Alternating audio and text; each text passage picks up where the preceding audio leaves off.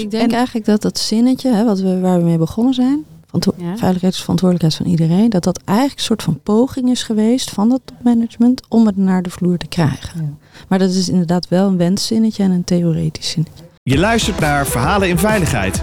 Deze podcast brengt verhalen over veiligheid samen van de mensen die het doen. Met wisselende onderwerpen. Verhalen vanuit de wetenschap, verhalen vanuit de praktijk, maar vooral verhalen die raken uit ons mooie vak. Uw presentatrice Orlie Borlak.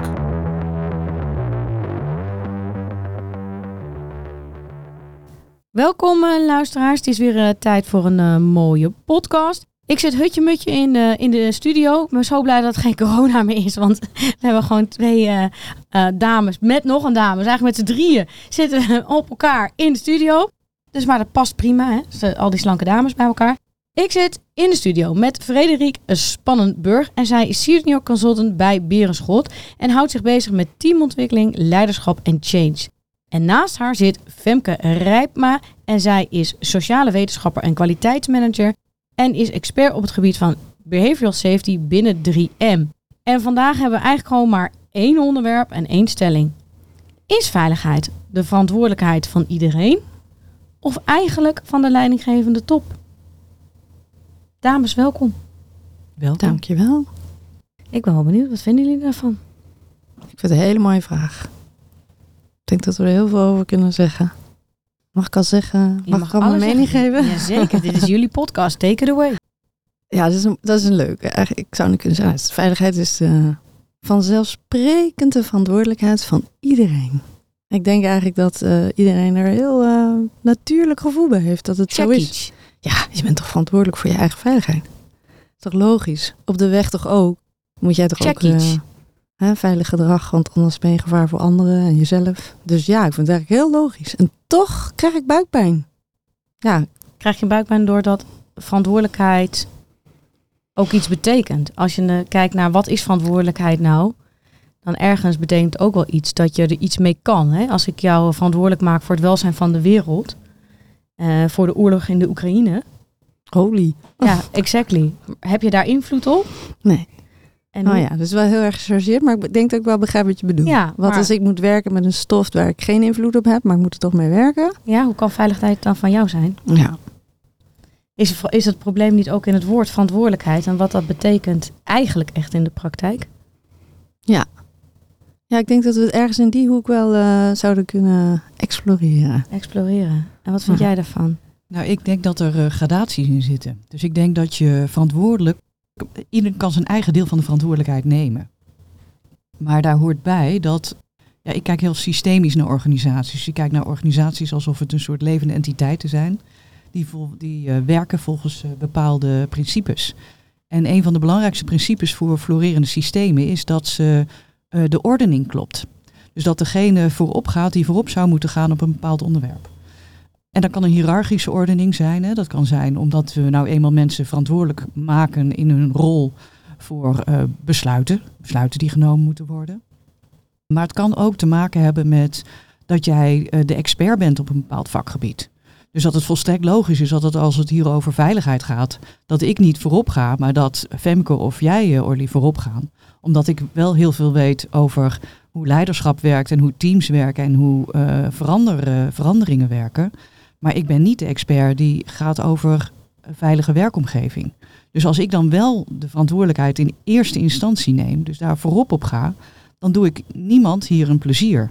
Want ik zou die plek eigenlijk moeten geven aan iemand anders die daar wel voorop op kan gaan. Dus het is maar welke verantwoordelijkheid je neemt. En van basis is dat verantwoordelijkheid vanuit een expertise. Is dat verantwoordelijkheid omdat jij voor je organisatie eh, de bovenste baas bent, zeg maar. Die ervoor moet zorgen dat iedereen in een organisatie op een veilige manier kan werken. Dat is dat jouw verantwoordelijkheid. En als het gaat over hoe ik mijn werk doe op mijn vierkante meter waar ik mijn werkzaamheden uitvoer, dan kan ik daar mijn verantwoordelijkheid voor nemen. Dus ik geloof heel erg in een gradatie daarin. En het is ook wel lastig om te organiseren, want ik hoor jou ook zeggen dat die verantwoordelijkheid gekoppeld is aan een soort vakmanschap. Is dat degene die voorop gaat, is ook degene die daar het meeste invloed op heeft, of het meeste daar iets in te doen heeft, of iets in kan doen. Ik hoor je ook heel veel eigenlijk iets met kunnen zeggen. En maar wie heeft dan de regie? Hè? Dus als, als we zeggen veiligheid is van iedereen of het is van de top, bedoelen we dan stiekem dat de top de regie heeft over die taakverdeling? Dat zou kunnen. En je ziet heel veel in organisaties dat ze dat wegdelegeren. Hè? En ben daar niet zo'n voorstander van. Want als je iets echt zo ongelooflijk belangrijk maakt. Heel veel topmanagers zullen zeggen, ja, maar we hebben daar iemand van. Want er is iemand benoemd die is van veiligheid. Maar die heeft nooit het mandaat en nooit de doorzettingsmacht die je hebt als je wel hiërarchisch leidinggevende bent. Dus je kunt je eigen verantwoordelijkheid niet compleet wegmanagen door te zeggen, ja, maar daar hebben we iemand voor aangesteld. Dus wat ik denk is dat leidinggevenden heel erg, zich heel erg bewust moeten zijn van welk deel van de verantwoordelijkheid ligt nog steeds bij mij. In de volledige wetenschap dat medewerkers echt naar jou gaan kijken en niet naar die kwaliteitsmanager of naar die de, de, de Veiligheidsmanager. veiligheidsmanager of de stafafdeling die daarmee belast is. Ik wil een verhaaltje tegen jullie aanhouden over verantwoordelijkheid en top. Ik ben bij een organisatie onderzoek aan het doen en die verzorgen cliënten met een psychiatrische aandoening. Die cliënten zijn eigenlijk een risico, want die cliënten zijn een beetje explosief. Dus die kunnen dingen in de fik steken, die kunnen agressief zijn, die kunnen moordlustig zijn. Nou, die, die kunnen eigenlijk heel gevaarlijk zijn. En dat, daarbij heb ik een mens, een medewerker, en die heeft als taak, als verantwoordelijkheid gekregen om die cliënt beter te maken, om die terug te laten keren op een gezonde wijze naar de samenleving. Dan hebben we het eigenlijk over twee veiligheden. Ik heb het over de veiligheid van de cliënt, want die moet veilig genoeg worden begeleid in het terugkeren naar de samenleving. En ik heb een veiligheid van de medewerker die veilig met zijn cliënt moet kunnen werken. Volgens mij zit er nog een derde, de veiligheid van de maatschappij, als die daar uiteindelijk... En veiligheid van de maatschappij, mooi dat je dat aanvult. En nu heb ik een probleem. Want die veiligheden, die kunnen heel erg botsen. Bijvoorbeeld, als ik iemand beperk, dus mijn cliënt, omdat hij agressief is, is dat niet goed voor zijn genezingsproces. Maar wel weer goed voor mijn medewerker.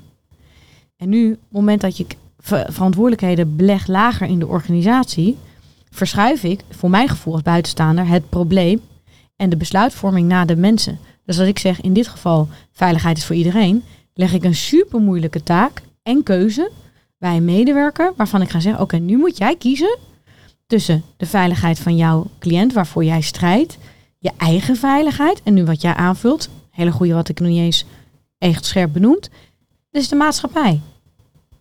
Is het dan eigenlijk wel realistisch om soms te zeggen veiligheid is van, van iedereen? Ik hoor het al. Ik, ik hoor jou eigenlijk zeggen, als we dat zouden doen, dan verwateren we het hele idee verantwoordelijkheid. Dus dan, dan is er niemand meer verantwoordelijk. Ja, of we hebben een verkeerde definitie van verantwoordelijkheid. En inderdaad, zoals jij zegt, het heeft een, een ordening, het heeft een taak, het heeft een rol, het heeft een functie in een systeem. En als je er een containerbegrip van maakt, dan raak je misschien ook wel de echte betekenis. Ja, dus veiligheid heeft eigenlijk dan helemaal is niet meer duidelijk wat het is. Nee. En het is ook niet meer duidelijk, ja, wie, ja, niemand is meer eigenlijk verantwoordelijk. Je zegt iedereen is verantwoordelijk, maar niemand is meer echt verantwoordelijk en we weten ook niet meer wat het is. Nee, want je weet niet Want iedereen mag van zijn eigen definitie ervan maken. Ja, En iedereen mag ook zelf bepalen wat het dan is, ja. die verantwoordelijkheid. Ja, En hoe die eruit ziet in jouw rol en in jouw taak. mooi. En misschien wordt het wel heel angstig, want als ik dan een besluit heb genomen, Ja. stel dat nou niemand blij is met dat besluit. Ja, word je nog eens een keer uit de, uit de groep gegooid, zeg maar. Ook, ook hier zit een ordening in. Hè? Want Ja. ook hier zit een ordening tussen de verschillende veiligheidsaspecten. Dus de veiligheid van de cliënt, de veiligheid van de medewerker, de veiligheid van de maatschappij. En ik denk dat je in je organisatie zo'n gesprek zou moeten kunnen voeren, dat je met elkaar die verschillende veiligheden, ja, zeg ik maar eventjes, dat je, dat je die afweging met elkaar kunt maken van wat betekent dat en welke consequenties heeft dat als we welke keuze, afhankelijk van welke keuze we maken. En ik denk als je een omgeving hebt waarin dat gesprek normaal gevonden wordt en waar, en dan kom ik weer bij leiderschap, waarbij je als leidinggevende zegt, wij verwachten van jullie dat jullie met elkaar deze afwegingen maken. En wij zijn er ook om daar steun aan te geven of daar kritisch op te zijn. Maar dan mag je van ons ook een rol in verwachten. En is dat denk ik Ja. ook een probleem dat we dingen gewoon soms gewoon niet expliciet maken. Absoluut. Dat we maar denken dat iedereen dezelfde betekenis geeft aan verantwoordelijkheid. Ik merkte in de casus die ik net aandroeg, hier, er is ook heel veel verdriet. En heel veel schuld en schaamte. En ook het niet durven maken van die keuze van, ja, maar volgens de wetenschap moeten we nu dit doen. Of volgens de wet moeten we nu dat doen. En mensen in een soort twee strijd worden gezet, misschien wel een drie strijd, want die maatschappij doet ook nog mee. Van joh, maar waar doe ik dan goed aan, hè? Ja, en ik wil er nog een schepje bovenop doen eigenlijk. Want we hebben een hele hoop organisaties, een hele hoop ehm, eh, verschillende bedrijfstakken, eh, verschillende de zorg, het onderwijs. Hebben we heel erg vastgepind met allerlei KPI's, maar ook met allerlei beloningssystemen of financieringssystemen, waardoor je getriggerd wordt om een keuze te maken die financieel bijvoorbeeld gunstig is. Of waar de kosten voor de samenleving zo laag mogelijk zijn, uitgedrukt in cijfers, hè, in, in, in, in geld. Terwijl de kosten voor de samenleving natuurlijk op een andere manier ook heel hoog kunnen zijn. Dus de triggers zijn vaak in een organisatie om te kiezen voor dat wat economisch verstandig is of waar je op afgerekend wordt. En dat geeft het, maakt het nog moeilijker om die verantwoordelijkheid die je zou willen nemen, ook echt naar eer en geweten te kunnen nemen. Want je wordt zo geduwd naar een uitkomst die wenselijk is voor het bedrijf of de organisatie. Ja, en je vraagt je af, uh, want uh, de stelling was, uh, is, is de veiligheid en verantwoordelijkheid voor iedereen van de top. En op het moment dat geld hetgeen is waarop gestuurd wordt, is dat misschien ook de verantwoordelijkheid die belegd is. Zeker, en daarom vind ik het, nou ja, ik ben heel erg van leiderschap, pak je rol en pak je positie daarin. want als iemand zegt, die moet naar je toe kunnen komen en zeggen, joh, ik weet dat dit de juiste besluit is en ik weet dat ik hierop aangestuurd word. Dus mijn KPI's wijzen een andere kant op dan dat wat ik eigenlijk voel dat de goede keuze is. Wat veiliger is voor het grotere geheel. Um, dan vind ik dat je als leidinggevende moet zeggen, wat fijn dat je dat meldt. En we hebben kennelijk uh, onze, uh, onze pijlen staan dus de verkeerde kant op. Dat moeten we anders doen. En dat lijkt me ook moeilijk, want die verantwoordelijkheid wordt enorm beïnvloed. Wat je zei, de derde component maatschappij. Na het geval van de casus van de zorg heb je een overheid die, die wat van vindt. Uh, je hebt verzekeraars die uren vergoeden. En die bepaalde uren gewoon ook niet vergoeden. Die verwachten ook dingen. Er zijn Europese regels. Dus de vraag is in hoeverre heb je zelf als leidinggevende top vrijheid om die verantwoordelijkheid in te vullen? Ja, dat is een, natuurlijk een ongelooflijk goede vraag en, en ontzettend moeilijk. Want wij, we kunnen wel doen alsof je als leidinggevende, hè, als, als topmanagement, uh, raad van bestuur, of jij wel die ruimte hebt. Maar die wordt natuurlijk net zo goed beïnvloed uh, en gestuurd op dat waar zij weer door aandeelhouders of door de maatschappij of door de wet op, uh, op, op afgerekend worden. Dus ja. Maar als ik het zo jullie zo hoor praten, kun je wel zeggen, nou, het management loopt eigenlijk een groter risico wanneer ze veiligheid naar beneden toe zo neerleggen. Met, met het idee van, goh, uh, het is van iedereen. Lopen ze een groter risico dan wanneer ze het toch echt hun eigen verantwoordelijkheid zo dicht mogelijk bij zichzelf houden. In ieder geval als het gaat om de kaders. Zo doen wij dat hier in onze organisatie. Dat is toch een zin die je verwacht vanuit een leidinggevende positie. En niet vanuit uh, iemand op de werkvloer. Ja, die mag het natuurlijk ook zeggen, maar die zegt het dan na. Wacht eens even, wij hebben toch afgesproken dat we het hier zo doen. Dat kader wordt gegeven door management. Zoals ik het zo hoor, dan zou ik zeggen, dat zinnetje, wat, wat ik wel in heel veel bedrijven tegenkom als soort van beleid, veiligheid is van iedereen, dat management die, die zin gebruikt in een organisatie toch niet echt goed hebben doordacht wat de betekenis is van die zin voor hen. En hoeveel stress dat oplevert. Ja, dus dat ze misschien toch eens achter de oren moeten krabben en denken van hé, hey, is het nou wel zo verstandig? Maar, maar kan je het misschien weglaten? Ja. Maar kan je dat misschien weglaten? Ik denk dat, ja. Ik denk dat het zinnetje, zo het doen wij dat hier. uit. Ja. Zo is bij, dit is bij ons normaal. Dat, dat, dat veel, veel beter is. is. Ja, ja en uh, ik denk ook dat het duidelijk is als um, een leidinggevende top keuzes maakt. Stel dat je in een omgeving zit, nou in het geval van die zorg, dat je gewoon verschillende belangen hebt. En ook verschillende taken hebben. Dus niet alleen een taak uh, richting de, de cliënt, maar wat je ook terecht zei, richting de samenleving. Dat je als bestuur aan wil geven, wat is voor ons in balans? Wie willen wij zijn en hoe willen we daar invulling aan geven? Dan is het voor iemand die verantwoordelijkheid moet nemen, ook makkelijk om te denken, oh dit was de bedoeling, dit hadden we afgesproken, zo zouden we het doen. Ja. En dan ga jij het natuurlijk ook doen zoals ik het doe. Want jij denkt ook, ja, we moesten een afweging maken. We gaan niet alleen maar voor die. Of we gaan zorgen dat we in een team zitten waarin ik, ik doe wel de belang van de cliënt. En dan ga jij mij vragen en dan ga ik de belang van de medewerker doen. En doe jij de belang van de maatschappij. Ja. En dan gaan we samen in een team zitten. En dan weten we zeker dat die verantwoordelijkheid voor het geheel bediend wordt door ons drieën. Ja. Toch? Ja. Niet? Ik zie jou kijken, niet? Gaat, gaat, het, zo- gaat het oplossen?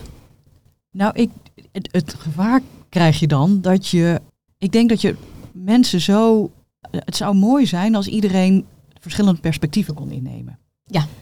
Dus ik ben niet altijd alleen maar van die cliënt, maar ik kan al die perspectieven zelf doorleven en voelen en daar de afwegingen maken. En natuurlijk kun je dat met elkaar doen. Eh, maar ik zou niet zeggen, nou doe, doe jij dan even die cliënt en dan ben ik eh, mezelf en dan doe jij even de maatschappij. Want ik denk dat je juist met elkaar moet proberen te verkennen wat, wat levert het ons op of wat gaan we zien als we met z'n drieën die positie van maatschappij in zouden nemen. Ik denk dat dat veel interessanter en verrijkender is. En ook voor de volgende keer weer het makkelijker maakt om die afweging te maken. Dus we gaan rolfluiditeit doen. Zou ik wel denken. We zijn wel hoog niveau eh, op organisatiemanagement bezig hoor.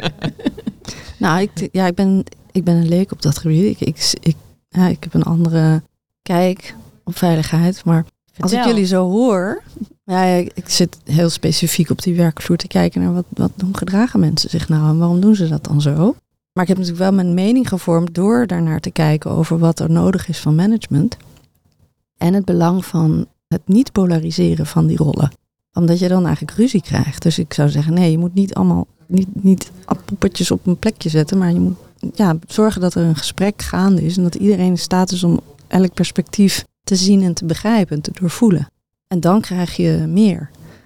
En wat ik dus ook ja, wou zeggen daarover, van als je, als je als management het kader zet, en dus zo doen wij dat hier, als je uitgangspunt. We willen dus iets hebben met elkaar, zo van zo doen wij dat hier. Maar je wil dat de mensen veiligheid zeg maar in hun wezen gaan voelen, dan zul je ze, dan kun je dat met ze maken. Dus dat kader hoef jij niet als management alleen te bedenken. Moet je alleen bewust zijn dat je een kader nodig hebt. Maar je kan wel degelijk samen met je mensen. En volgens mij is dat ook eigenlijk wat oorspronkelijk achter dat zinnetje zit. Veiligheid is van iedereen.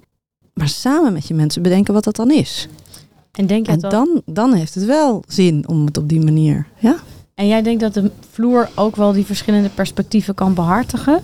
Ook Ja. wel mensen zeggen van, we denken vanuit de maatschappij, denken vanuit, we zien misschien de centen, hè? want je moet natuurlijk ook iedereen straks een salaris betalen. heerlijk. Ja, ik denk dat mensen dat je zult ontdekken als je bereid bent om echt te kijken en te luisteren naar wat mensen op de werkvloer zien en wat hun kijk op de wereld is, eh, zul je echt wel pareltjes eh, gaan ontdekken. Want jouw kijk, je mag dan misschien wel eh, de slimste van het stel zijn, heel plat gezegd. Want jij bent de baas. Dus dat idee leeft misschien ook wel bij de mensen op de werkvloer. Oh, die weten alles.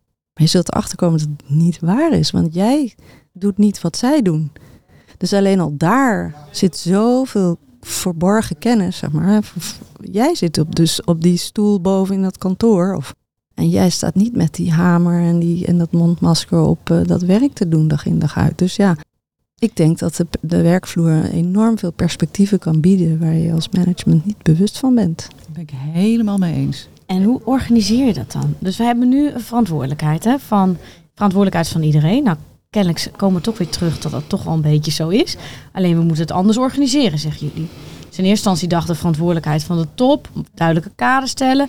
Maar eigenlijk ook wel weer van de vloer, zeggen jullie. Voor perspectief, ja. Want hybride perspectieven en andere belangen. Dus ergens in de grond van waarheid in de hele stelling.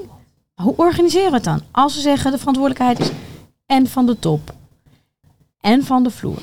Input van de vloer en verantwoordelijkheid van de top. En hoe gaan we dat Om ervoor te zorgen dat de vloer betrokken is en input geeft. Maar je wil ook die verantwoordelijkheid bij de vloer weer terugleggen. Want uiteindelijk als ze Op het, input hun eigen stukje werk. Dus het werk dat die persoon doet, gekaderd in die, zo doen wij dat hier in de organisatie. Zeg maar dat stuk wat die persoon dan doet, dat is wel zijn verantwoordelijkheid. Als je samen dat kader hebt neergezet en je gaat dan Ja. inzoomen op ieder zijn eigen stukje daarin, ja, daar zit wel verantwoordelijkheid van die ene persoon. Hij is wel verantwoordelijk om het dan ook daadwerkelijk zo vorm te geven. Zo doen wij dat hier. En de keten? Moet die niet ook keten overschrijdend Ja, werken? Want dat, Ja, zou, dat zou ik nog willen toevoegen. Ik denk dat de belangrijkste rol van eh, leiderschap is om de urgentie steeds maar weer duidelijk te maken. En helaas is het heel vaak zo met veiligheid dat de urgentie gevoeld wordt als er een serieus ongeluk is gebeurd of een echt een, een enorm incident is geweest. Dan gaat die urgentie even omhoog. Maar voor je het weet zakt die ook weer weg. Zeg ik niks raars, uh, Nee, toch, je zegt niks zo raars, zo nee. is dat meestal. Dus als je als management, als leidinggevende echt van overtuigd bent dat dit belangrijk is in je organisatie, dan heb je daar dus ook continu, los van al die andere dingen waar je ook van bent, maar ook hier, dat uit te stralen dat jij dat belangrijk vindt.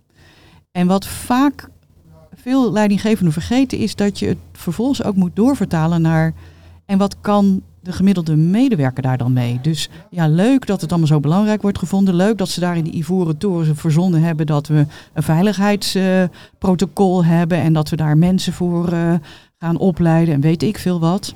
Maar wat heb ik daar nou in de dagelijkse realiteit mee te maken? Ik noem dat ook al vaak de, de wenselijke wereld van het eh, hoger management. Hè? Dat, dat is wensen, dat is ivoren toren. En de werkelijke wereld waar ik elke dag gewoon in sta. En waar druk is en waar ik met collega's samen moet die zeggen... joh, wat ben je nou voor mietje met die helm op? Maar dat mag je Ja. natuurlijk niet meer zeggen. Hè? Nou ja, maar dat zeggen ze ik wel. denk- Ja. Ik, Ja. En dus- ik denk en- eigenlijk dat dat zinnetje, hè, wat we, waar we mee begonnen zijn, Ja. veiligheid is verantwoordelijkheid van iedereen, dat dat eigenlijk een soort van poging is geweest van het management om het naar de vloer te krijgen. Ja. Maar dat is inderdaad wel een wenszinnetje en een theoretisch zinnetje. Ja, en maar ik denk de ook dat, praktijk, en ja. ik denk dat medewerkers zich vaak niet bewust zijn wat de impact heeft van hun handelen of niet handelen op hun collega's. En ik denk dat je ze enorm kunt meenemen in urgentie door ze ook, en misschien dat je dat met keten bedoelt ook, dat je wat, wat is jouw kleine aandeel daarin? Dus hoe kan je het ook klein maken in plaats van het zo groot en abstract te houden? Hoe kan je het klein en, en behapbaar en concreet en werkelijk maken in hoe ik elke dag naar mijn werk ga? En wat Ja. ik dan doe voor mijn collega's of niet? En denk je dat we verantwoordelijkheid moeten oefenen? Als je kijkt soms naar, heb je van de veiligheid, heb je heel vaak van die bergbeklimmers die worden uitgenodigd om te praten over hoe eh, je op, met elkaar beter kan samenwerken om het risico van vallen, hè, eh, van, eh, van een berg, als je aan het bergbeklimmen bent, om dat kleiner te maken door ja, echt dat je kan rekenen op je team. Zou die verantwoordelijkheid voor veiligheid niet iets zijn wat meer een vaardigheid is dan een besluitvormingsies? Iets wat we moeten oefenen in, Ja. in, een, in een teamverband. Mooi dat Ja. je dat zegt. Dat, daar geloof ik echt heel erg in. En dat begint dus bij, eh, nou ik noem het even het storyboard. Dat je Ja. met elkaar als organisatie je eigen storyboard hebt. Bij wijze van spreken storyboard, we gaan een berg beklimmen. En hoe komen we nou van het dal naar de top? Samen, met z'n allen. En die storyboard, die ga je natuurlijk, ja, die, hoe noem je dat, parallellen. Dan maak je ervan, hoe maken wij het eindproduct met z'n allen samen veilig. En dat je dan de top zet dat kader neer. We willen dat iedereen uiteindelijk gezond en veilig dat hele proces doorgegaan is. En dan gaan we samen met het hele team uitwerken hoe dat er dan uitziet in de praktijk. En vervolgens ga je mensen trainen. Dus stel nou in theorie hoe doe je dat dat met- trainen dan? Doe je dat dan in hun werk? Of? ja, nou, ik heb zelf dan eh, veel kennis dan over PBM's en persoonlijke beschermingsmiddelen en waarom mensen die wel of niet dragen. En als je wil dat mensen dragen, dan zul je ze ook die gewoonte moeten aanleren. Dan moeten ze de ruimte krijgen om de gewoonte te ontwikkelen om die PBM's te dragen. Nou, dat zou dus een onderdeel zijn van het concreet maken voor die persoon op die plek van die veiligheidsmaatregelen. Maar goed, we gaan nu eh, de diepte in. Maar ik geloof Ja. dus in een storyboard. En uiteindelijk duidelijk van waar gaan we naartoe met elkaar. Waarbij het management kader aangeeft.